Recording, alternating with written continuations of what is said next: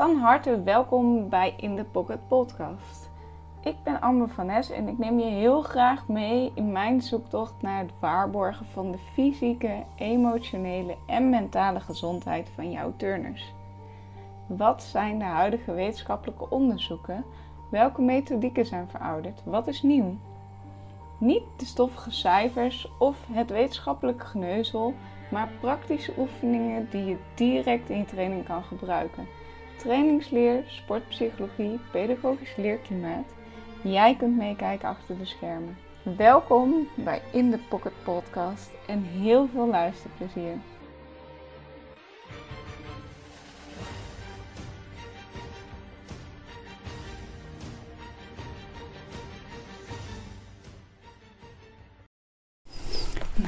Hallo Marit, welkom bij deze podcast. Super fijn dat je hier aanwezig wilt zijn en helemaal voor mij naar Eindhoven bent komen rijden. Geen probleem. Um, we hebben contact gehad. Ik heb aanvankelijk met de KGU contact gehad, omdat de KGU uh, eh, heeft een nieuwe pe pedagogische visie. Dat willen ze uit gaan rollen. En toen zei ze, ja, daar moet je bij Marit voor zijn, want zij is de expert op dit gebied. Mm -hmm. um, zou je voor de luisteraars jezelf willen voorstellen? Uh, wie ben jij? Wat doe jij? Um, nou, natuurlijk. Uh, ik ben Marit. Ik ben 33 jaar en ik woon in Nijmegen. Um, heb in een verleden pedagogische wetenschappen in Utrecht gestudeerd. Dus de ambitie en de, nou ja, het, het, thema, zeg maar, dat is al heel lang iets wat ik wel aan het hart draag. Um, ja, ik hockey, dat is mijn achtergrond. Ik heb zelf op een redelijk hoog niveau gehockeyd, in ieder geval op een niveau waarop ik wel vier keer in de week op een veld stond. Okay. Um, dat is ondertussen een beetje op een laag pitje, maar nog steeds wel uh, betrokken binnen de hockeysport, bij de hockeysport. En nu begeleid ik een team, een hockeyteam, een meisjes A1 team, dus onder 18.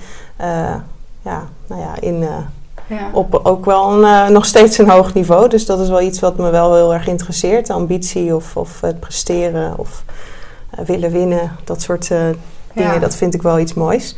En uh, dat uh, is ook een beetje wat in mijn vorige werk naar voren kwam. Daar begeleid ik talentvolle uh, sporters. Ja. dat deed ik in de regio Nijmegen. Dus alle sporters, de jonge sporters die daar een talentstatus hadden vanuit NOC-NSF... Die, um, ja, die, die, dus in mijn regio vielen, die begeleide ik op allerlei topsportleefstijlonderwerpen. Dus bijvoorbeeld, hoe ga je om met voeding? Hoe ga je om met mentale vaardigheden? Blessurepreventie, onderwijs en sport combineren, dat soort dingen. Ja. Dus niks sportinhoudelijks, maar wel alles eigenlijk eromheen om zo goed mogelijk te kunnen sporten. Oh, dat klinkt echt super interessant. Ja, nou dat was het ook. Ik heb dat ook zeker, uh, denk ik, bijna tien jaar gedaan, inclusief mijn, uh, mijn stagetijd. Ja. Uh, en daar veel contact met sporters dus, maar ook met ouders en met trainers en met onderwijs en medische mensen. Dus ook wel een lekker diverse baan, wat ook heel leuk blijft voor zo'n lange tijd. Ja. Dus ehm, ja, nou ja, dat, en daar ook bijvoorbeeld met de Hazenkamp veel gewerkt daar veel turnsters gezien, de trainers en de ouders. Dus um, ja, nou ja, dat. Ja, en dan heb je gewoon allerlei experts tot je beschikking. En dan worden de sporters aangemeld. En dan ga je in gesprek aan met zo'n sporter om te kijken van oké, waar zit nu jouw behoefte? Mm -hmm. En dat ga je invullen of hoe zie je dat? Nou, de werkwijze is wel in de loop der jaren wat veranderd. En toen ik stopte was de werkwijze zo dat ik veel contact heb met de trainers en de ouders. Ja. Uh, omdat ik wel tot de conclusie kwam, of eigenlijk mijn collega's en ik ook allemaal, zeg maar, van uh, dat een puber niet zo snel zegt van uh, doe mij even wat advies op voeding. Ja, ja, um, of ik heb faalangst, wil je me helpen? Het is meer dat je als hele omgeving rondom die sporter ziet of merkt of vindt dat er iets moet gebeuren. Dan heb ik wel eerst gesprek met die sporter, want uiteindelijk moet die sporter wel zin hebben om bijvoorbeeld uh, op mentale vaardigheden te trainen, want anders gaat er toch niks uh, gebeuren als, hij of zij het zelf niet wil. Um, dus wel gesprek met de sporter en vervolgens ja, had ik uh, een netwerk aan specialisten op allerlei thema's die ik koppelde aan de sporter. Een beetje gekeken van welke leeftijd heeft de sporter of welke vraag heeft de sporter om te zoeken welke deskundige daar, nou ja, wat mij betreft, uh, de meeste kans van slagen had. En um, ja, op die manier uh, probeerde ik sporters te helpen. Of groepen sporters dan meer in workshopvorm. Dat een trainer zei van nou, deze groep heeft echt uh, baat bij um, het combineren van school en sport. En dan bijvoorbeeld het leren plannen. dan keek ik of ik een onderwijsexpert erbij kon halen om te zorgen dat je als groep eh, op dat element zeg maar, jezelf kon verbeteren. Ja. Dus dat was aan het einde van de rit uh, was dat hoe we aan de slag gingen. Ja. Dus heel leuk. Ja, klinkt echt super interessant. Ja. Ehm, en nu ben je regisseur pedagogisch klimaat bij de KGU, maar ook bij de KNVB. Ja. Uh, zijn er heel veel van deze aspecten uit je vorige werk die je mee kan nemen in je nieuwe baan? Um, nou ja, uiteraard gaat het over kinderen en sportende kinderen, dus dat zeker. Ook mijn baan op dit moment die gaat niet per se alleen over breedte sport, maar eigenlijk over alle kinderen die sporten. Uh, Dus daar komt topsport, talentontwikkeling net zo goed aan bod als kinderen die gewoon uh, uh, ja, één uurtje in de week zeg maar, zouden, zouden turnen. Ja. Um, ja, daar, in mijn vorige baan ging het heel erg om waar heeft het kind behoefte aan en hoe kan ik dat kind faciliteren. En nu is mijn rol iets anders. Ik heb nu niet meer één op één contact met die sporter, maar ik heb nog steeds uh, het kind. Het gaat om het kind. Waar heeft het kind behoefte aan en hoe kunnen we zorgen dat het kind met plezier uh, en op een goede ontwikkelingsgerichte manier zeg maar zijn sport kan beoefenen. Ja. Um, dus mijn rol is wel wat anders. Ik sta nu verder af van de sporter. Maar uiteindelijk gaat het nog steeds over het kind en over ja. hoe die op een prettige manier kan sporten. Uh, en dat was voorheen ook altijd het doel. Uiteindelijk moet het kind en het welzijn van het kind, daar gaat het om. En soms uh, kon dat niet meer samen met topsport. Ik bedoel, ja, als, je, als het kind echt super ongelukkig is of uh, school gewoon niet lukt in combinatie met sport of welke andere variant dan ook, dan moet je soms kiezen om sporten op een lager pitje te zetten om te zorgen dat het niet ja, een schade of op een andere manier een probleem wordt voor het kind. En dat is hier bij dit project of bij mijn nieuwe baan ook, ja, ook altijd het uitgangspunt. Het moet ten goede komen aan het kind. Ja. Dus in die zin wel. Ja, en, en wat is dan een regisseur pedagogisch klimaat? ja, nou ja, het is. Uh, um, ik heb allerlei termen wel voorbij horen komen. Wat mij betreft is een regisseur, die term gebruik ik eigenlijk bijna niet. Ik noem mezelf eerder een projectleider van het project een Pedagogisch Sportklimaat, zo noem ik het nu maar even. Ja. Um, een regisseur is vooral ontstaan omdat je eigenlijk van alles wat er de afgelopen jaren al uh, ja, ontwikkeld is of, of uitgesproken is, dat je dat verzamelt en kijkt op welke manier kunnen we hier een rode lijn doorheen trekken. Dus vanuit één centrale visie. Um, en kunnen we zorgen dat we nou ja, vanuit die centrale visie de bestaande dingen uh, ja, wat bijschaven en uh, eventueel iets nieuws verzinnen. Dus ik denk dat de regisseur vooral degene is die het allemaal een beetje coördineert. Die weet wat er speelt, die weet wat er is. En op die manier ja. het pedagogisch sportklimaat probeert te verbeteren. Dus uh, ja, of het regisseur heet of projectleider, dat maakt eigenlijk niet zoveel uit. Wat mij betreft. Nee, ik vond het wel een hele mooie naam. Ja. Ik denk, daar zijn ze heel creatief in geweest in ieder geval. Ja, nee, ze hebben er wel, uh, ik weet niet of ze er hard naar hebben gezocht of lang over nagedacht hebben. Maar dit, toen ik solliciteerde kwam ook deze functienaam naar boven, regisseur. Ik dacht, nou, ik weet niet precies wat het is, maar ik ga er gewoon voor. Nou ja, en toen werd ik aangenomen. Ja, leuk. Ja. En je bent aangenomen bij en de KGU en de KNVB. Mm -hmm. Dat vond ik ook een heel erg bijzondere combinatie. Kan je daar iets meer over vertellen? Nou ja, uiteindelijk is het een uh, subsidievorm die vanuit het sportakkoord, daar is uh, een pedagogisch sportklimaat in benoemd.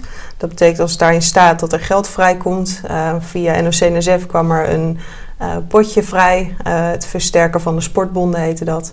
En daar hebben de KGU en de KNVB elkaar in opgezocht, omdat ze samen uh, bijna 50% van de sportende kinderen in Nederland uh, bestrijken, onder de, of tot 12 jaar moet ik zeggen. Ja, dus dat betekent dat ze uh, een heel grote maatschappelijke impact zouden kunnen hebben als je dit goed neerzet en als je hier veel aandacht aan besteedt. Um, dus het heeft niks met elkaar te maken. Ik heb in de loop der tijd ook gezocht naar de overeenkomsten, maar behalve sportende kinderen kom ik niet veel verder. Dus ook gewoon echt een heel andere um, cultuur en tradities en, en ja, een totaal andere sport. Um, maar dat maakt mijn baan dan wel weer divers. Dus uh, een dag bij de KGU is totaal anders dan een dag bij de KNVB. Niet minder leuk of, of uh, op een andere manier uh, een, een, lading aangevend, maar het is gewoon echt heel anders. Ja. Dus dat maakt het wel weer leuk om iedere dag weer nou ja, te schakelen naar waar ik dan ben. Kan je, kan je eens beschrijven hoe een dag bij de KGU is en hoe een dag bij de KNVB is? Um, nou, ik kan wel een beetje beschrijven op wat ik vind dat er verschillen zijn tussen beide bonden. het KNGU is ook sowieso veel kleiner qua mensen. Daar zijn ongeveer 70 mensen op het bondsbureau. En bij de KVB zijn dat er 5 of 600. Oh, dat betekent dat ik de KNGU-collega's gewoon ken. Ik weet wie ze zijn, ik ken hun namen. Dus als ik binnenkom, dan is het uh, het persoonlijke contact is daardoor gemakkelijker. Uh, dus je komt in een iets uh, knussere, nou, niet familiaire omgeving, maar wel, ja, ze weten wat je het weekend hebt gedaan, zeg maar. Dus op die manier heb je iets meer persoonlijk contact. Ja. Bij de KNVB is het wat, ja, wat meer individualistisch. Dat kan ook komen, dus doordat het zo'n grote organisatie is. Maar het is daar ook vooral van iedereen wil je helpen, maar je moet wel zelf vragen om waar je bij geholpen wil worden. Ja daar is het wat meer, iedereen doet zijn eigen ding. Um, nogmaals, iedereen wil helpen, maar als je niks vraagt, dan kun je daar bijvoorbeeld ook de hele dag achter je computer zitten zonder dat je echt uh, uh, veel contact hebt met anderen. Dus je moet het daar wat meer zelf opzoeken en wat uh, zelf creëren. En dan is het daar net zo leuk, alleen moet het wel in je zitten om dat wat proactiever aan te pakken. Ja. En ja, dus dat is. en ja, de grote, ik bedoel, KNVB heeft allerlei projecten die bijvoorbeeld al lopen. Die ze, waar ze al jaren heel druk mee zijn. KNGU heeft dat natuurlijk ook. Alleen dat is uh, veel makkelijker aan elkaar te koppelen, omdat je van elkaar weet wat je aan het doen bent. Bij de KNVB kan het ook zijn dat één afdeling iets heeft ontwikkeld wat de andere afdeling niet weet. Ah. Um, en dat maakt het voor mij in eerste instantie, toen ik net begon, wel een uitdaging om te zoeken van uh, ja, uh, wat is er allemaal en wat is er wat we willen gebruiken en welke mensen werken hier en welke mensen moet ik spreken. Um, dus de opstart was uh, bij de KGU iets uh, sneller overzichtelijk dan bij de KVB. Ja. En ik kan me zo voorstellen, want hè, bij bewegingswetenschap moesten we ook heel vaak research doen naar artikelen en dat soort dingen. Dat het bij de voetbal gewoon veel meer wetenschappelijke kennis aanwezig is dan bij de KGU bij het turnen. Mm, ja, ik denk ook wel dat het een beetje ligt aan het type mens wat er werkt. Want bij de KGU zijn er een aantal mensen die zich heel erg interesseren voor wetenschappelijke dingen. Ja. Uh, dus dat maakt het wel dat bijvoorbeeld daar de pedagogische visie al uh, een klein beetje in uh, de stijger stond. bij de KNVB eigenlijk totaal niet. Daar zijn ze meer van we pakken het aan en hebben niet echt als één organisatie één visie. Ik zeg niet dat ze visieloos zijn, maar het is, nou, de pedagogische visie bestond in ieder geval nog niet. Um, ja, weet je, bij de KGU uh, eh, is het ook dat mensen het erbij doen bij hun gewone werk. En bij de KVB heb je gewoon heel veel mensen die voor iets specifieks in dienst zijn. Zo hebben ze onderzoekers in dienst. Uh, een communicatieafdeling bij de KGU uh, is met een aantal mensen, met twee, drie mensen. Bij de KVB zijn dat 21 mensen. Dus ja, alles heeft een gewoon grotere omvang. Ja. Um, wat het dus wel belangrijk maakt dat je met elkaar praat. En dat is denk ik bij de KNVB dan wel weer de uitdaging. Want je moet dat dus nogmaals zelf um, opzoeken om te zorgen dat je weet wat er is. Ja. Maar goed, ja, ik denk dat ik van nature redelijk proactief kan zijn en ook die vragen wel stel. Dus ik uh, gedij daar prima. En de KNGU is ook prettig dat je daar gewoon uh, ja, wat meer uh, het gevoel hebt van collega's in een wat hechtere groep, zeg maar. Dus ja. nou, allebei heeft zo zijn, zijn mooie kanten. Ja, en, en hè, jouw functie is dus dat die visie van die pedagogische klimaat uh, ja, vorm te geven. Ja. Kan jij een hele simpele bewoording vertellen wat het pedagogische klimaat nou eigenlijk is? Um, nou, het pedagogisch sportklimaat dat is eigenlijk uh, een plezierig en ontwikkelingsgericht sportklimaat waarin het kind centraal staat, zoals we het zo mooi omschrijven. Waarbij het uitgaat van een aantal handelingen die je nodig hebt als trainer om te zorgen dat het pedagogisch sportklimaat um, in stand komt of wordt gecreëerd. Uh, waarbij niet alleen de trainer verantwoordelijk is, maar omdat je als sportbond bijvoorbeeld je trainers in beeld hebt, wie, zijn, wie de trainers zijn, uh, die komen in opleidingen terecht. Of ja. veel in ieder geval bij de KNGU sowieso, bij de KNVB niet per se. Maar daar kom je ze wel tegen. Dus vandaar dat het project zich ook vooral richt op de trainers. Maar ja, ook de rol van de ouders. Welke rol speelt een ouder in het pedagogisch sportklimaat? Uh, ook clubbestuurders, ook um, ja, alle mensen die bijvoorbeeld de trainers opleiden. Uh, juryleden vanuit de KGU of scheidsrechters vanuit de KNVB. Ja. Uh, die creëren eigenlijk, eigenlijk de hele volwassen wereld rondom het kind. Heeft een verantwoordelijkheid in dat pedagogisch sportklimaat. Maar vanuit verschillende onderzoeken uh, is wel het, de cruciale rol van de trainer komt heel erg naar voren. Uh, plus dat ze in beeld zijn bij de bond. Dus dat maakt het dat het project zich voor nou ja, een groot gedeelte daarop focust. Ehm, en daarin hanteren we eigenlijk de zelfdeterminatietheorie waarop je met elkaar zoekt naar die drie uh, psychologische basisbehoeften. Eigenlijk niet alleen voor kinderen, eigenlijk voor iedereen, maar in mijn geval van dit project gericht op kinderen. Uh, waarbij we eraan toevoegen dat ook um, ja, een kind structuur nodig heeft. De drie basisbehoeften zijn behoefte aan autonomie, competentie en relatie. Um, maar wat mij betreft, en ook vanuit onderzoeken, is het zo dat dat wel vanuit een structuur moet. Dus je moet een beetje kaders scheppen, je moet regels geven. Uh, dat is niet per se altijd leuk voor kinderen. Maar op den duur kunnen ze zich daar wel vrijer in bewegen, omdat ze weten waar ze aan toe zijn. Het geeft een duidelijk, duidelijkheid. Um, dus die vier elementen, maar die drie als basisbehoeften en die vierde van structuur erbij. Uh, dat geeft eigenlijk de handvatten voor de trainer hoe die zou moeten handelen. Of zou moeten wat het streven zou moeten zijn uh, om uh, ieder kind te behandelen. Ja. En dat is wel ingewikkeld, want daarin is maatwerk, vind ik, voor ieder kind. ik bedoel, als je het kind centraal stelt, kun je niet altijd denken aan een hele groep. Je moet ook kijken naar wat is dan voor ieder kind op dat moment de beste passende methode, waarop je niet hoeft te differentiëren dat iedereen maar moet doen wat hij leuk vindt. Maar je moet wel blijven luisteren naar het kind, hoe die in zijn vel zit, waar die behoefte aan heeft, wat hij leuk vindt om wel aan die drie basisbehoeften te voldoen. Um, ja, en daarin is het ook natuurlijk heel situationeel. Ik bedoel, de ene week is niet de andere week, de ene dag is niet de andere dag. Um, ja, dus daarin moet je heel erg kunnen switchen met wat is er nodig. Uh, dat vraagt zelfreflectie van de trainer. Dus je moet eerst weten van hey, op welke manier sta ik die les te geven, op welke manier ben ik in contact met dat kind. Is dat de manier waarop we denken dat dat iets bijdraagt? Is dat iets waarop je dat bewust inzet? Of is dat, stel je bent uh, een dag gewoon even niet zo vrolijk, wat natuurlijk gebeurt. Um, ben je in staat om naar jezelf te kijken dat je zegt: hé, hey, ik voel me vandaag gewoon minder vrolijk. Ik moet wat harder werken om ja, professioneel over te komen. Dus niet mijn eigen frustraties bijvoorbeeld uh, te uiten. Ja. Um, en daarin denk ik dat de afstand tot het kind en de situatie ook belangrijk is. Ik bedoel, bij een wedstrijd of, of in een andere situatie kan het wat mij betreft niet zo zijn dat jouw eigen emotie uh, de overtoon heeft in de situatie waarop het kind uh, zit. Stel het kind valt van de balk af, dan moet je wat mij betreft altijd zoeken van hey, hoe kan ik het kind helpen dat hij wel weer een nieuwe poging wil wagen of dat hij de volgende les wel weer met plezier komt. Ja. Um, wel ben je misschien zelf ook teleurgesteld of zit er nog een ander gevoel bij wat um, ja, kan zorgen dat je daardoor op een manier reageert waarop je later denkt: oh, had ik eigenlijk niet moeten doen. Dus ja, die dingen, dat is in zijn heel uitgebreide vorm, uh, wat mij betreft, het pedagogisch sportklimaat. Dus nogmaals, je creëert een plezierig en ontwikkelingsgericht sportklimaat en je hebt daarvoor uh, die drie basisbehoeften plus ja. structuur. En je geeft maatwerk en je handelt situationeel. Dat zijn een beetje de theorieën en de, de dingen waarnaar gestreefd zou moeten worden, wat mij betreft. Ja, ja en, en vanuit de KGU uh, hebben we uh, al wel vaker gehad over het pedagogisch sportklimaat. En daarin uh, hebben ze bijvoorbeeld een aantal jaar geleden, ik weet niet wanneer dit is uitgekomen, het boekje Vier Inzichten over trainerschap mm -hmm. uitgegeven. en volgens mij hey, hebben alle trainers van de KGU überhaupt dit boekje gewoon thuisgestuurd gekregen. Mm -hmm. In hoeverre moeten we nu iets nieuws gaan leren of sluit het gewoon aan bij die vier inzichten over trainerschap die we al gehad hebben? Hmm.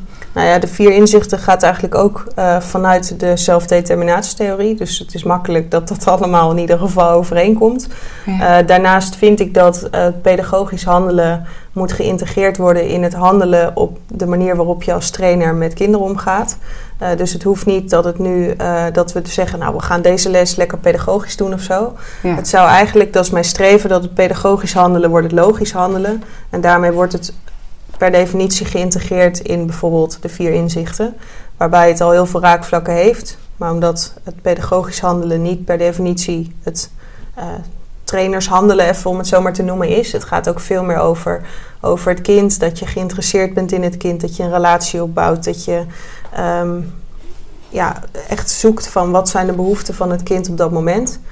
Um, En dat, dat raakt natuurlijk heel erg de didactiek, dus op welke manier je dat vormgeeft. Ja. Uh, maar de pedagogiek zit ook nog wat meer in de opvoedkundige stijl. Dat je uiteindelijk ook wil dat het kind uh, bijvoorbeeld zelfstandig wordt en dat het kind uh, zelf beslissingen durft te nemen, um, zelfvertrouwen krijgt. Dus dat zijn eigenlijk nog overstijgend aan de sportinhoud elementen die je wil toevoegen. En nogmaals, dat zit voor een groot gedeelte ook wel in de vier inzichten. Maar het is goed om het een keer als pedagogische visie zeg maar, op te schrijven van wat bedoelen we nou precies. En uiteindelijk is dus die regisseursfunctie om te kijken van alles wat er is, hoe kunnen we daar het pedagogisch sausje overheen gooien. Zonder dat kinderen überhaupt merken dat iets pedagogisch is. Um, en eigenlijk ook vind ik dat trainers niet per se um, heel bewust hoeven zijn wat daarin de pedagogiek is. Mm-hmm. Zolang ze maar snappen wat het doel ermee is. En zolang ze maar be begrijpen hoe ze het zouden kunnen aanpakken. En of je het pedagogiek noemt of welke vorm dan ook, dat maakt eigenlijk niet, uh, niet heel veel uit. Het gaat erom dat je de uitgangswaarden of de uitgangsprincipes, uh, zeg maar, dat je die hanteert in je, in je lessen. Ja. En in het begeleiden van kinderen. Ja. Dus dat is een beetje hoe de bestaande dingen zeker niet uh, straks uh, overboord worden gegooid en alles wordt nieuw. Het is vooral hoe kunnen we de visie van het pedagogisch handelen toevoegen aan wat er al is. Ja. Ja, en jij zit nu in het traject om dit helemaal te ontwikkelen voor, voor trainers en coaches. Want je mm -hmm. zegt net zelf, het gaat er ook om dat trainers weten hoe ze uh, daarmee om kunnen gaan, hoe ze kunnen handelen. Mm -hmm.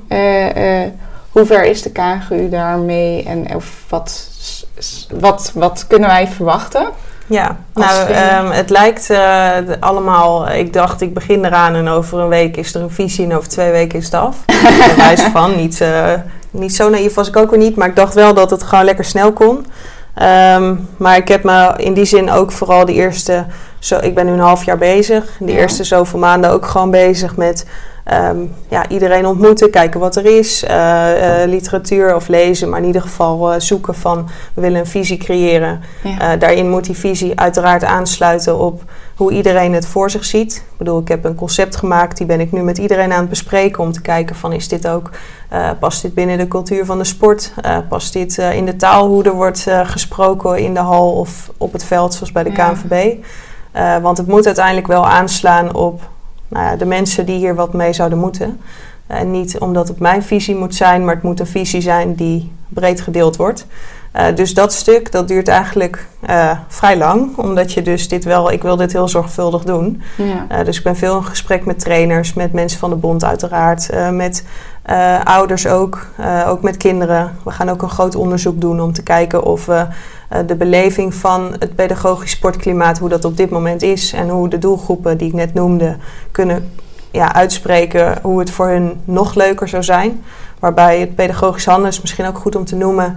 Uh, dat gaat niet zozeer over uh, slechte zaken, zeg maar, de strafbare dingen, misbruik of uh, Ja. echte discriminatie. Wat mij betreft gaat het peda- pedagogisch handelen. kinderen komen graag naar de hal. Die vinden turn het mooiste wat er is, of alle andere disciplines van de KGU. Ja. Um, dat is de basis waarom kinderen komen sporten.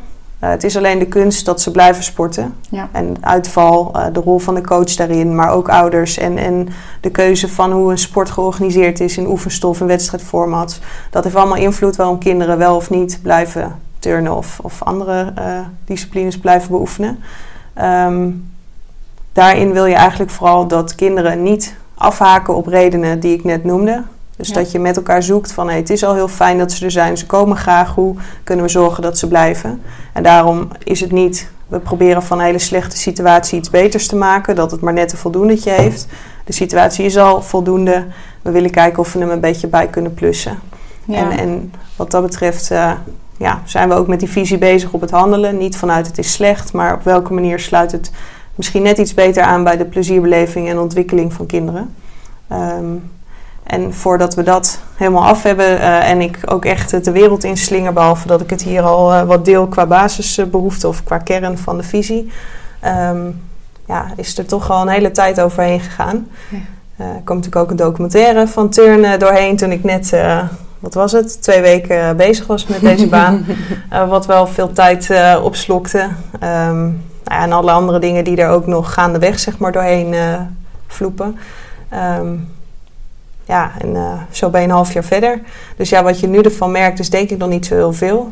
er komt dus een onderzoek waar wellicht veel van de mensen die hier naar luisteren iets mee te maken krijgen. Ja. Ehm, ja, uiteindelijk zullen we veel zoeken naar hoe kunnen we de praktijk erbij betrekken in het ontwikkelen van dit soort nieuwe dingen of bestaande dingen, maar in het herinrichten van deze bestaande dingen.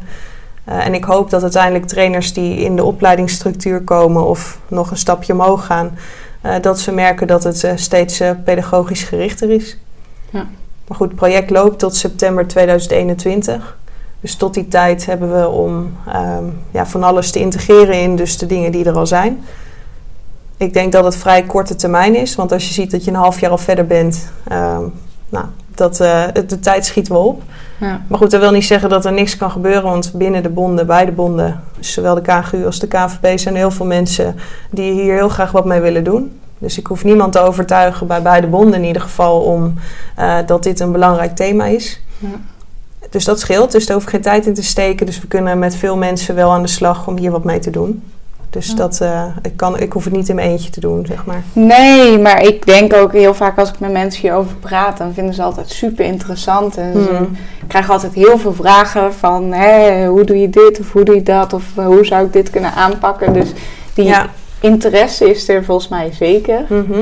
En wat ik ook leuk vind, dat jij zegt van, oké, maar het is inderdaad niet de bedoeling om te kijken naar alles wat nu verkeerd gaat, maar het is meer de bedoeling om de structuur die we nu hebben te verbeteren. Hmm. En dat vind ik wel leuk, want ik geef ook heel vaak training met de gedachte van hé, hey, ik wil dat mijn turnsters ja, een beter mens wordt in mijn training. Mhm. dus net zoals de kleine dingetjes als even de deur open houden voor degene die achter je langskomt. Gewoon mhm. altijd gedag zeggen en dat soort kleine dingen dat je denkt van ja, dit zijn dingen die ik ze aanleer in, in de training of in ieder geval waar ik op let en waar ik af en toe eens een opmerking over maak. Mhm. Maar dat zijn ook wel weer de dingen die zij mee kunnen nemen later als ze gaan werken en dat soort dingen. Ja, ja en dat is een mooie setting natuurlijk waar je als sport... Uh, je in begeeft is redelijk veilig in de zin van stel je hebt een keer een teleurstelling, dan is het een sportieve teleurstelling, wat niet betekent dat het uh, minder erg is voor een kind, maar uiteindelijk is het iets veiliger dan wanneer je in het echte leven een vrij heftige gebeurtenis meemaakt. Uh, ja, dan heb je wellicht een klein beetje geoefend uh, in de sport om ja, daar wat mee om te kunnen gaan of wat te relativeren. Of nou ja, op wat voor manier dan ook daarmee te dealen. Uh, waarbij ik overigens niet wil zeggen dat dingen als misbruik, discriminatie en zo, dat dat okay. geen aandacht zou moeten hebben.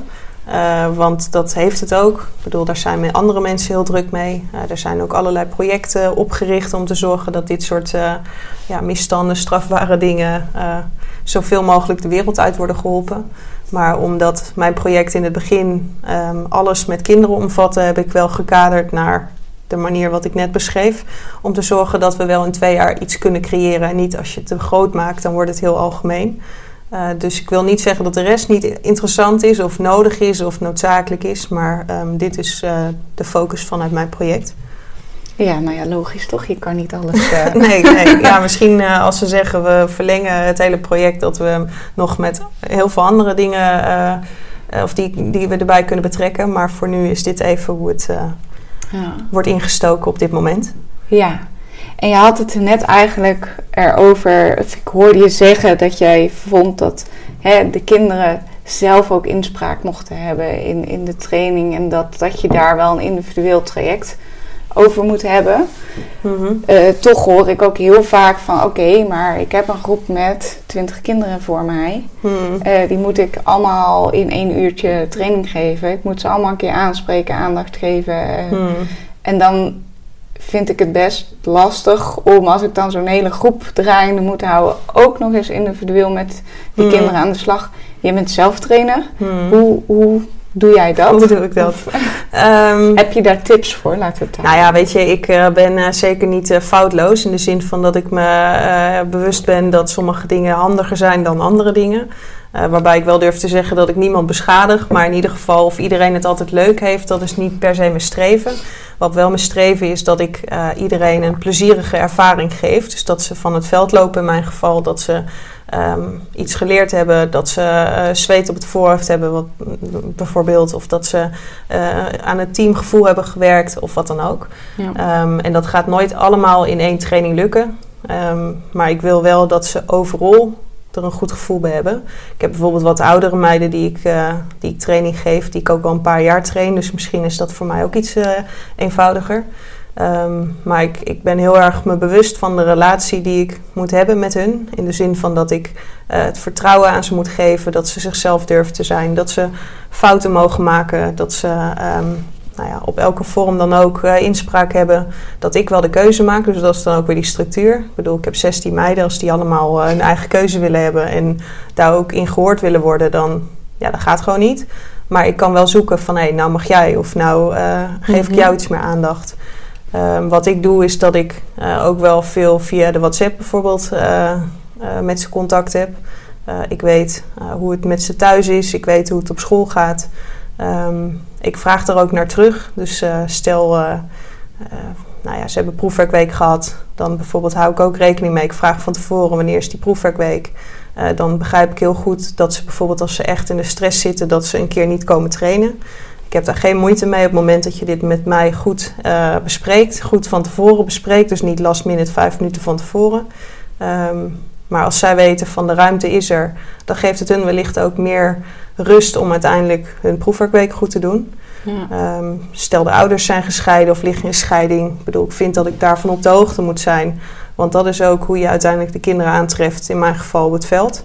Uh, dus als iemand een keer verdrietig is of als iemand uh, boos is of wat gekker reageert dan normaal, dan geeft het mij het inzicht dat ik snap waar het vandaan komt. Um, ik kan het dan niet oplossen. Ik bedoel, ja, ik ben ook uh, maar slechtstaande trainer in dat geval. maar ik geef wel de ruimte en het begrip dat ik snap dat diegene even niet zo lekker in zijn vel zit. en ik denk dat, dat die relatie, dat dat um, op den duur iets goeds brengt.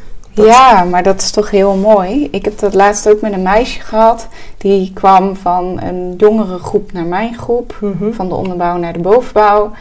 En ik kon daar niet zoveel mee. Die had echt nergens zin in. Die was iedereen een beetje ja, minder effectief aan het maken door te kletsen. En die had heel dwars gedrag. En mm -hmm. heel vaak, uh, uh, ik heb een regel dat als iemand hoofdpijn heeft of een, hè, een keer door zijn enkels gaan of weet ik voor iets, dat ze naar me toe mogen kunnen zeggen: Ik pijn, ik kan vandaag dit toestel niet doen. Dan denk mm. ik altijd: Oké, okay, meiden zitten in de groei.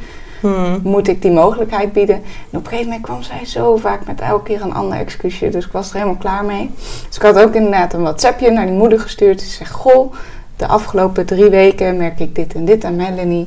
Hmm. Uh, uh, uh, kan ik in de tra training iets doen om Melanie te ondersteunen? Hmm. En daaruit voort hebben we een afspraak gemaakt met die ouders. Hmm. En toen kwam er echt een heel verhaal over wat er thuis allemaal was gebeurd. En ja, er waren dus inderdaad heel veel van die dingen gebeurd waarvan je denkt: oh, een meisje is nog maar twaalf. Ja dit zou eigenlijk dit soort dingen niet mee moeten maken. Hmm. En toen kwam die moeder ook zo van, ja, Melanie wil het je eigenlijk wel zelf vertellen. Maar uh, ja, dit is dus de reden. En toen hebben we afgesproken van, oké, okay, maar hè, wat kunnen we dan doen? En toen hebben we gewoon letterlijk gezegd, kom voor mijn training, even vragen hoe het met me is. Hmm. En dan zeggen, oké, okay, en wat wil je dat wij nu doen? En wat er dus eigenlijk aan de hand was, was dat ik de vrij was. En dat zij eigenlijk het veel fijner vond als ik gewoon zei: Melanie, uh, je gaat nu een balk, je hebt deze en deze en deze opdracht. Als die af zijn, wil ik dat je naar mij toe komt. Dan gaan we die en die en drie opdracht doen. Hmm. En dat meisje dat bloeide gewoon helemaal op. Ja. Gewoon door een simpel WhatsAppje even naar die moeder te sturen van... Hmm. Goh, ik ja. merk dit, wat kan ik eraan doen? Ja, nee, waarbij wat je nu zegt ook essentieel is dat je als trainer ook dat contact met ouders zoekt. Ik uh, ken uh, alle verhalen over lastige en irritante ouders. Die, uh, daar ben ik me van bewust, die, die herken ik ook. Um, in die zin, die herken ik dat een enkele ouder zo is. Maar de meeste ouders die willen ook gewoon precies hetzelfde als ik. Dat ja. zijn of haar kind met heel veel plezier sport. Um, en dat het iets leert en dat het eh, iets uh, bijdraagt aan de gezondheid, weet ik veel, noem maar allemaal op. Ehm, dus dat gesprek met die ouder, die, ik heb die ouders nodig om te snappen hoe het met dat kind gaat. Ja. Ik bedoel, nu zijn die meiden die ik coach 16 tot 18 jaar, dus dan is het contact steeds ietsje minder, waarbij ik wel op de hoogte ben. Dus als ik ze zie, zeg maar, spreek ik ze even aan en maken we een praatje.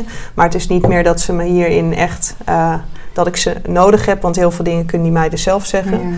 Maar uiteindelijk ehm, zie ik het wel echt als een driehoek dat het kind, daar gaat het om. En je moet altijd proberen. Maar goed, dat moet de ouder ook uh, inzien. Hè? Dus het is niet alleen maar de rol van de coach om dat zo goed mogelijk te laten verlopen.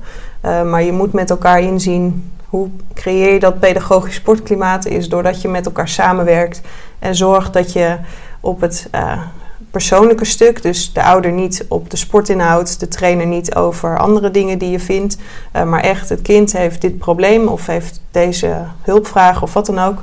Hoe kunnen we daar samen invulling aan geven? En hoe kun je ook zorgen dat niet de ouder dit zegt en de trainer dat? Um, of Nou ja, nog erger, dat de ouder zegt dat de trainer er niks van kan of andersom. Nou ja, weet ik veel. Noem alle problemen maar op.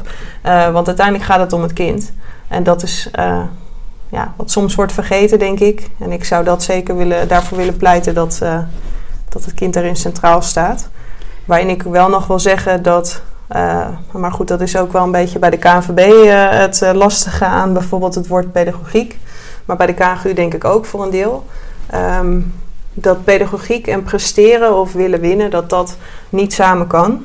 Terwijl wat mij betreft is het pedagogisch handelen is de basis hoe je met kinderen omgaat. En kinderen in de vorm van een uurtje turn in de week tot aan uh, topsport doen en wellicht uh, nou ja, olympisch niveau uh, willen halen. Wat mij betreft is het de manier waarop je met het kind omgaat.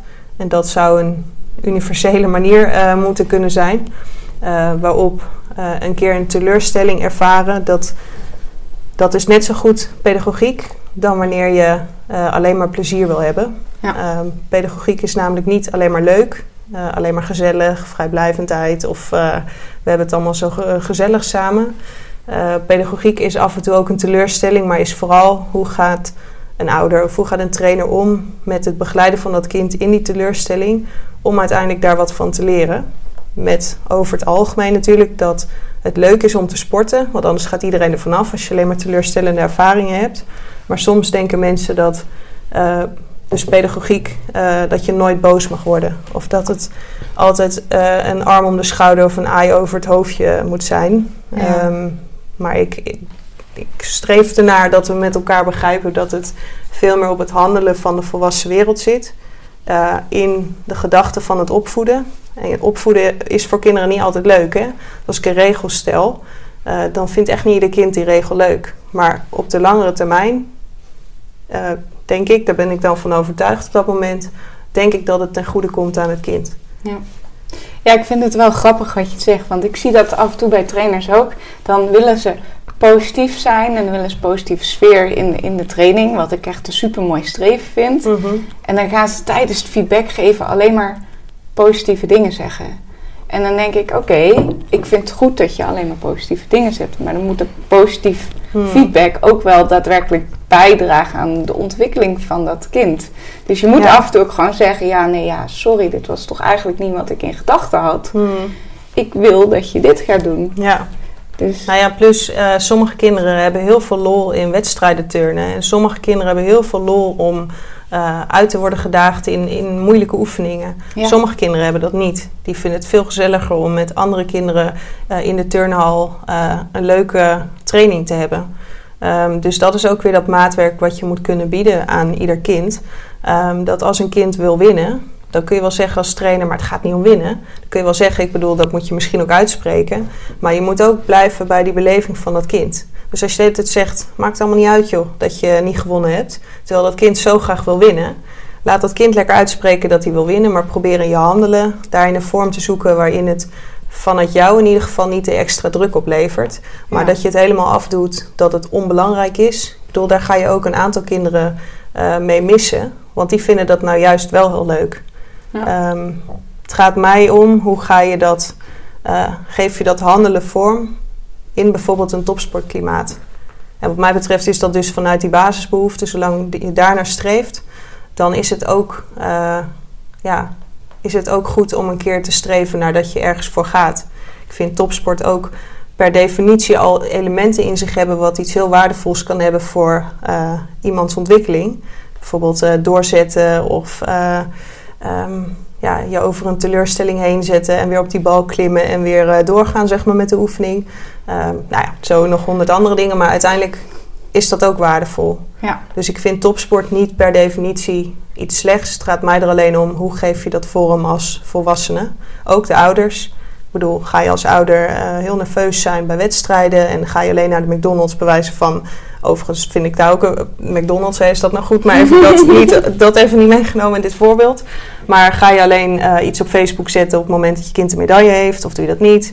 Um, ja. Dat is de lading die je als volwassen mensen geeft aan het winnen en het presteren. En zolang het kind die lading geeft, is het wat mij betreft een droom of een ambitie of een mm -hmm. wens vanuit het kind. Dat is wat mij betreft prima. Want die kinderen heb je, dat vinden die kinderen leuk, zoals ik zelf ook. Ik vond het zelf ook het mooiste wat er was. Maar als je als ouders die lading nog gaat versterken door het belonen of het meer aandacht geven of het trots zijn of nou, noem het maar op. Ja, volgens mij geef je dan het kind extra aan van nou ja, als je dus verliest, dan is het niet goed. Ja. Terwijl wat mij betreft, als je verliest, dan ga je met dat kind in gesprek. De trainer inhoudelijk en de ouder wat mij betreft wat meer in de algemene zin. Maar ja, hoe heb je het beleefd en hoe ga je de volgende keer dat anders doen? Ja. En volgens mij zit daar dan uh, de nuance van het willen winnen en pedagogiek. Is dat het uh, prima samen kan, wat mij betreft. Ik weet niet of ik dat een beetje duidelijk uitleg, maar uh, ja, dat, zeker. zo, zo zie ik het in ieder geval. Het is echt het handelen van. En ja. wat mij betreft is het ook die relatie. Dat als ik een goede relatie heb met een kind. En ik heb zelf ook niet zo'n lekkere dag. Ik bedoel, ik ben ook maar mens. Dan zolang die uh, relatie er is, als dat de basis is, dan uh, kun je ook best een keer iets zeggen waarvan je later denkt van, hmm, nou, hè? Ja, ik bedoel, je hoeft niemand uit te schelden, maar als je dan net iets minder tactisch was, ja. dan kan je dat wel hebben, zeg maar. Ja. Maar op het moment dat de relatie slecht is, of de relatie is heel koud, of die is er niet, uh, alles wat je dan zegt ligt onder een vergrootglas. En op dat moment is eigenlijk, ja, ik weet niet of het te herstellen is, maar heb je in ieder geval echt een min 10 achterstand.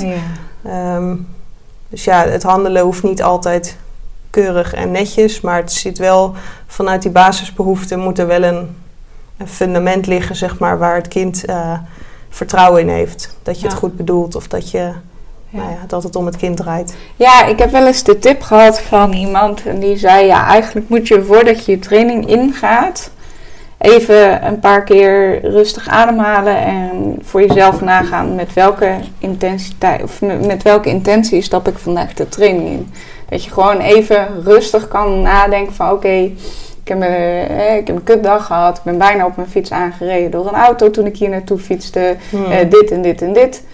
Oké, okay, stop dat even in je rugzak. Mijn intentie voor vandaag is bijvoorbeeld, weet ik veel uh, zorgen dat ik drie glimlachen in mijn training heb. Hmm. En dat je dan denkt, oké, dan ga ik dus met deze gedachte de training instappen. Ja. Dat je bewust bent dat je... Maar dat is volgens mij de essentie. Kijk, de vorm die je daarin giet, uh, dat is aan jezelf. Ik bedoel, ik denk ook wel eens als ik gewoon zagrijnig ben dan nu vertel ik dat die meiden ook, als ik, uh, nou ja, wat vrede dan ook, uh, dat even wil delen. Want ik, ja, ik vind het ook prettig in onze relatie dat zij snappen dat ik ook uh, wel eens goede en minder goede dagen heb. Maar goed, dit zijn oudere kinderen, dus dat besef ik me wel. Ja. Maar het gaat er vooral om wat je zegt, is dat je bewust bent. Als je dat bent, dan kun je je handelen sturen naar iets wat overstijgend is naar impulsiviteit, zeg maar. Ja. Als jij je neigingen niet kan onderdrukken, dan moet het kind maar geluk hebben of je een goede dag hebt. En als je het kind centraal stelt, dan kan dat niet. Als je het kind centraal stelt, dan betekent dat dat je ten alle tijden streeft om uh, nou ja, voor dat kind uh, een, een, fijne uh, sportles of wat dan ook te geven. en fijn is dus niet per se leuk en gezellig, maar wat ik net zei. Ja. Um, dus ja, dat bewuste, dat is zeker iets waar je met elkaar veel energie in moet steken. En sommigen kunnen dat van nature. Dat is wel lekker. Dan hoef je er wat minder energie in te steken om je elke keer uh, van die trucjes aan te leren. Ik heb ook geleerd ondertussen dat zelfreflectie ook aan te leren is. Dus dat is ook fijn. Dat betekent dat niet als je 25 bent dat het stopt. Dat je dan maar, nou ja, een beetje afgeschreven bent als je het niet kan. dus er blijft altijd een mogelijkheid om je daarin te ontwikkelen. Dus ook in de opleidingen van de KGU en KVB gaan we daarmee aan de slag. Van hoe kun je ook dat bewuste, dus wat je net als voorbeeld geeft, dat is altijd het begin voordat je met kinderen omgaat. Ja. En nou ja, goed, dat, dat is dus nog niet eens pedagogiek. Dat is eigenlijk een soort van basisvoorwaarde voordat je pedagogisch kan handelen. Ehm, maar dat hoort wel in die visie thuis, vind ik, omdat het ja, alle basisdingen waar je naar streeft, dat kan dus alleen maar uh, als die voorwaarden van uh, het zelfbewuste en zelfkennis, als dat klopt. Ja, en daarbij denk ik ook dat zelfreflectie heel belangrijk is. En mhm. dat je ook bij jezelf durft toe te geven dat je fouten had. Ik had van de zomer had het team gevraagd, wat ik een van de teams die ik training geef had gevraagd. Wij willen een, een, een wedstrijdroutine hebben. Dat was voor cheerleaden. Mhm. En toen zei ik, nou ja, prima, dan gaan we een wedstrijdroutine maken. Dus ik heb heel braaf een wedstrijdroutine gemaakt. En daarbij heb ik dus gezegd van oké, training 1 gaan we dit doen, training 2 en dat doen. Hele periodisering voor een half jaar, bla bla bla. Mm En uiteindelijk uh, zag ik dat heel veel mensen überhaupt niet naar de training kwamen. Okay. dat er elke keer wel iemand anders uh, niet aanwezig was. Het was niet één iemand, maar gewoon elke keer weer. En, en dat die basisvoorwaarden om die routine in een wedstrijd te krijgen, dat die er mhm. überhaupt niet waren. En ik merkte ook bij mezelf, ik had dat nog nooit gedaan en ik frustreerde me er echt enorm aan. En daardoor ging ik me ook heel erg frustreren als er weer iemand niet aanwezig was. Of dat en mm, dat. Ja. Dus op een gegeven moment ben ik ook naar mijn team gegaan. Ik zeg, hey team, ik zeg, vind het leuk en aardig dat we dit nu als doel hebben gesteld. Maar ik denk niet dat dit doel past bij ons als groep. Mm. Ik zeg, ik zelf merk dat ik zagrijnig word en dat ik het niet heel leuk vind om te doen. En ik merk dat niet iedereen aanwezig is. Dus dat het überhaupt die voorwaarden niet aanwezig zijn. En dat was zo leuk. Toen hebben we een heel open gesprek gehad met dat team. En toen zeiden ze ook, ja, ja, we merken inderdaad dat jij dit niet zo leuk vindt. dus toen dacht ik, nou fijn om die bevestiging dan terug te krijgen. En ze waren maar wat blij om heel die routine weer uh, aan de kant te zetten. Of in ieder geval niet als hoofddoel te maken.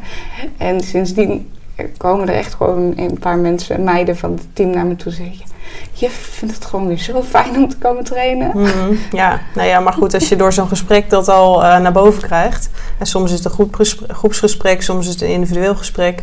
Maar als je die tijd zoekt, en ik begrijp heel goed hoor, dat je allemaal druk. En, uh, maar als je dat, daar waarde aan hecht. Ik bedoel, ik heb 16 meiden, daar ga ik altijd mee zitten. Daar neem ik de assistent ook bij. Want ik oh, vind het belangrijk dat we wel met elkaar. Uh, ja, soms een beetje ingewikkeld als je één op één een gesprek doet. Want het kan zijn dat iets wat ik zeg anders wordt geïnterpreteerd. Of dat ik het op een vervelende manier zeg. Waar iemand anders dan even kan zeggen. Nou, hè, is misschien niet zo handig. dus het helpt mij om even die veiligheid te creëren. Ook voor mezelf. Um, door met z'n tweeën als twee volwassenen daar te zitten. Um, en dat vraagt tijd. Ik bedoel, elke keer een half uur gaan zitten. Doen het redelijk uitgebreid. Uh, dat is uh, wel intensief. Maar als je, ik denk dat het uiteindelijk de moeite waard is om ieder kind uh, nou ja, daarin uh, een, een, stem te geven of daarnaar te luisteren. Het geeft mij in ieder geval in die relatie, geeft het me heel veel goed. En dan hoef ik ook uh, vervolgens iets minder, ja, moeite klinkt dan net alsof het heel veel moeite kost, maar tijd te steken in die relatie, omdat het dan een appje is, of even na de wedstrijd, of even een kort praatje van tevoren, of in het geval van hockey tijdens het ballen halen, dat je even iemand aanspreekt. Ja. Maar je moet wel met elkaar een aantal momenten hebben waarop het iets uh, dieper kan, denk ik. Uh, of waarbij een kind iets meer kan vertellen over wat hij leuk vindt of waar hij energie van krijgt dan, uh, ja. dan af en toe een appje natuurlijk. Maar het zijn allemaal middelen om met elkaar ja, een zo goed mogelijk jaar te hebben. Ja. Dus dat is, ja, ik vind dat heel leuk. Ik vind de psychologie, zeg maar, daarachter, of pedagogiek, maar pedagogiek ieder mens heeft natuurlijk ook nog een psychologie. Dat je uiteindelijk wel met elkaar zoekt van hey, op welke manier um, kan ik bij dat kind die snaar raken om uiteindelijk dit doel te bereiken. Dat vind ik het mooiste van coachen of trainen. Maakt eigenlijk niet uit. Uh, dat je met elkaar gewoon uh, na afloop van het seizoen... dat het kind zegt van nou, ik heb echt een ontzettend leuk seizoen gehad. Uh, en als het dan ook nog op topsport kan... of in ieder geval op hoog niveau... of het kind stroomt door naar het eerste team... wat bij hockey eh, vaak de doelstelling is als je ambitieus bent. Ja. Ja, weet je, dan heb je en het sportief, zeg maar, eh, goed afgerond. Maar zeker ook vind ik nog eigenlijk veel belangrijker wanneer iemand zegt dat hij echt met plezier het hele jaar heeft gesport. Eh, dan heb ik in ieder geval de voorwaarden gecreëerd voor dat pedagogisch sportklimaat. En dan heb ik niet alles goed gedaan, zeker niet. Maar heb ik wel in totaal zeg maar een positieve balans. Wat volgens mij eh, is waar je, waar je voor op het veld staat. Of in de hal of aan het zwembad of welke Ja. sport je dan ook doet. Ja, en ik denk dat die, die, die turnsters zelf ook snappen dat jij niet foutloos bent. Net zoals dat ik had hockeyers gezegd. dan in mijn geval. Maar ja, de sorry. kinderen die... eh, ja, nou, maar zeker als ze ouder worden. Als ze jonger zijn, dan hebben ze iets minder begrip eh, voor jou als persoon. Dus af en toe zeg je dan van, van nou, ik ben eigenlijk vandaag wat ziek. Dus of jullie, ja, nou ja, dan weten jullie dat. Misschien eh, ben ik iets stiller dan normaal. Als je dat tegen 12-jarige kinderen zegt, die kijken dan van, oh, oké. Terwijl 18-jarigen, die, die hebben dan wel iets meer verstand van eh, hoe dat dan werkt en, eh, en, en hoe je dan voelt of zo. Ja. Maar goed, ja, ik ben ook altijd degene die deelt wat ik ervan vind. In de zin van als het iets bijdraagt aan het totaal. Ik bedoel, ik kan wel zeggen dat ik ergens van baal, maar als de groep het heel leuk heeft, dan ga ik dat niet zeggen. Behalve als het eh, in de weg zit met de prestatie. Maar ehm, ja, af en toe moet je een beetje zoeken naar wat je zelf geeft. In die relatie ben je zelf ook belangrijk om iets mee te delen. Om jezelf een klein beetje open te stellen dat je ook een mens bent. Maar het gaat vooral om het kind, dat je daar vooral geïnteresseerd in bent. Ja. Tenminste, volgens mij geeft je dat een hele hoop eh, voor de langere termijn. ja, zeker. Ehm, ik ben me bewust van de tijd. We zijn nu al een tijdje bezig. Ja, Ehm, dus ik wil jou vragen: zijn er eh, nog dingen die ik niet gevraagd heb, of waarvan jij denkt van nou, dit zou ik nog heel graag hierover verteld willen hebben? Ehm, nou, qua inhoud denk ik dat we wel eh, redelijk eh, volledig zijn. In ieder geval voor waar het project op dit moment staat. Wat ik wel leuk vind is dat mochten mensen eh, luisteren en denken van... nou, dit vind ik eh, echt een interessant verhaal... of ik heb daar mijn mening over... of ik vind het eigenlijk een heel slecht verhaal... of welke vorm dan ook. Eh, ja, zoek mij op. Kijk of je... mijn e-mailadres is uh, stuur me een mailtje. Ik ga graag met mensen van de praktijk eh, in gesprek. Ik kom ook veel kijken nu tegenwoordig in de, in de zalen om te kijken van hey, hoe ziet zo'n turnles eruit? Waar zitten de, de praktische dilemma's zeg maar, die je ook benoemde van je hebt het al zo druk en iedereen rent door elkaar heen. Hoe geef je dan toch die persoonlijke aandacht? Ja. Ehm, met als doel om het uiteindelijk passend te maken voor de sport waar ik voor werk. Eh, dat dat anders is bij de KNGU dan bij de KNVB, dat is ook niet erg. Ik bedoel, ik maak dezelfde uitgangspunten als visie, maar de daadwerkelijke uitwerking is weer sportspecifiek. Ja. Ehm, en daarvoor heb ik wel gewoon mensen nodig die mij die input, eh, die dat met mij willen delen. Dus eh, daar sta ik zeker voor open om eh, die gesprekken aan te gaan. Ehm, nou ja, en fijn dat ik via zo'n podcast mijn mening wat verder kan verspreiden, los van het impliciet in opleidingen of in nieuwe interventies kan, kan stoppen. Ja, Volgens mij is het uitdragen met elkaar is, eh, net zo waardevol als eh, elk ander elementje wat we proberen om eh, te creëren. Ja, nou ja, ik vind het echt super interessant. En ik heb echt nog 10.000 andere vragen. Maar dan zitten we hier nog drie uur. Dus eh, laten we die maar dan even- haken alle mensen af. Ja, ja, Ja. dat weet ik niet. Maar Nee, maar dat weet ik ook niet. Maar goed, nogmaals, mocht je echt, jij of, of andere mensen denken van ik wil hier nog meer van weten of ik wil graag eh, eens een keer kennis maken, dan eh, vind ik dat hartstikke leuk. ja, jouw e-mailadres, kan je die nog een keer vertellen? Dus eh, mijn achternaam is gijspers.kgu.nl. Ehm nou, ik hoop niet dat het dan ineens eh 300 eh, aanvragen zijn. Maar mocht, mocht dat zo zijn, dan, dan geef ik er ook alweer een vorm aan. Maar voor, voor nu vind ik dat dus heel leuk om Ja, daarover met elkaar in gesprek te gaan. ja. En en eh, is hierover, over wat er tot nu toe is gedaan, op de KGU-website iets te vinden? Ik weet dat jullie een document hebben met pedagogische visie. Ja, er wordt wel, eh, die visie wordt gedeeld. Als die af is in de vorm dat iedereen erachter staat, of iedereen, zoveel mogelijk mensen hier eh, zich achter scharen, dan wordt dat gedeeld. Ehm, Komt ook, we zijn bezig met een communicatieplan om ook met elkaar uit te spreken van wat doen we al. Um, op welke manier kun je ook elke keer in aanraking komen met ideeën of, of uh, goede voorbeelden van het pedagogisch sportklimaat. Wat misschien inspirerend werkt. Um, maar naast dat stuk, dus meer de inspiratie en de informatie, is het ook uh, zeker om het proces uit te dragen van wat doen we. Want ik ben me wel bewust dat heel veel bij een bond dat dat lastig zichtbaar is voor de praktijk. Waarbij ik even op wil komen voor de bond dat er echt heel veel goede dingen gebeuren. Maar het is ook belangrijk dat je dat met elkaar communiceert en, uh, en uitspreekt. Dus uh, daarvoor dat communicatieplan om iedereen wel uh, aangehaakt te houden. En dat komt via de website van de KGU. dat komt ook via andere kanalen op sportplezier.nl bijvoorbeeld is een wat algemener platform voor sport en pedagogiek. Um, nou ja, wellicht komt er een keer iets in een blad, uh, noem het maar op. Dus uh, uiteindelijk proberen we op verschillende manieren de, de, de turnpraktijk of de gymnastiekpraktijk uh, te bereiken. Ja, want de KGU heeft bijvoorbeeld ook een Facebook, Dutch Gymnastics at the Crew. Daar kan je als trainer gewoon vragen ja. stellen, sowieso. Ja. En ze hebben ook gewoon het blad, de coach. Die Klopt. krijg ik in ieder geval uh, Of de Connection is ook waar ik een die. keer een, een interview in heb gegeven.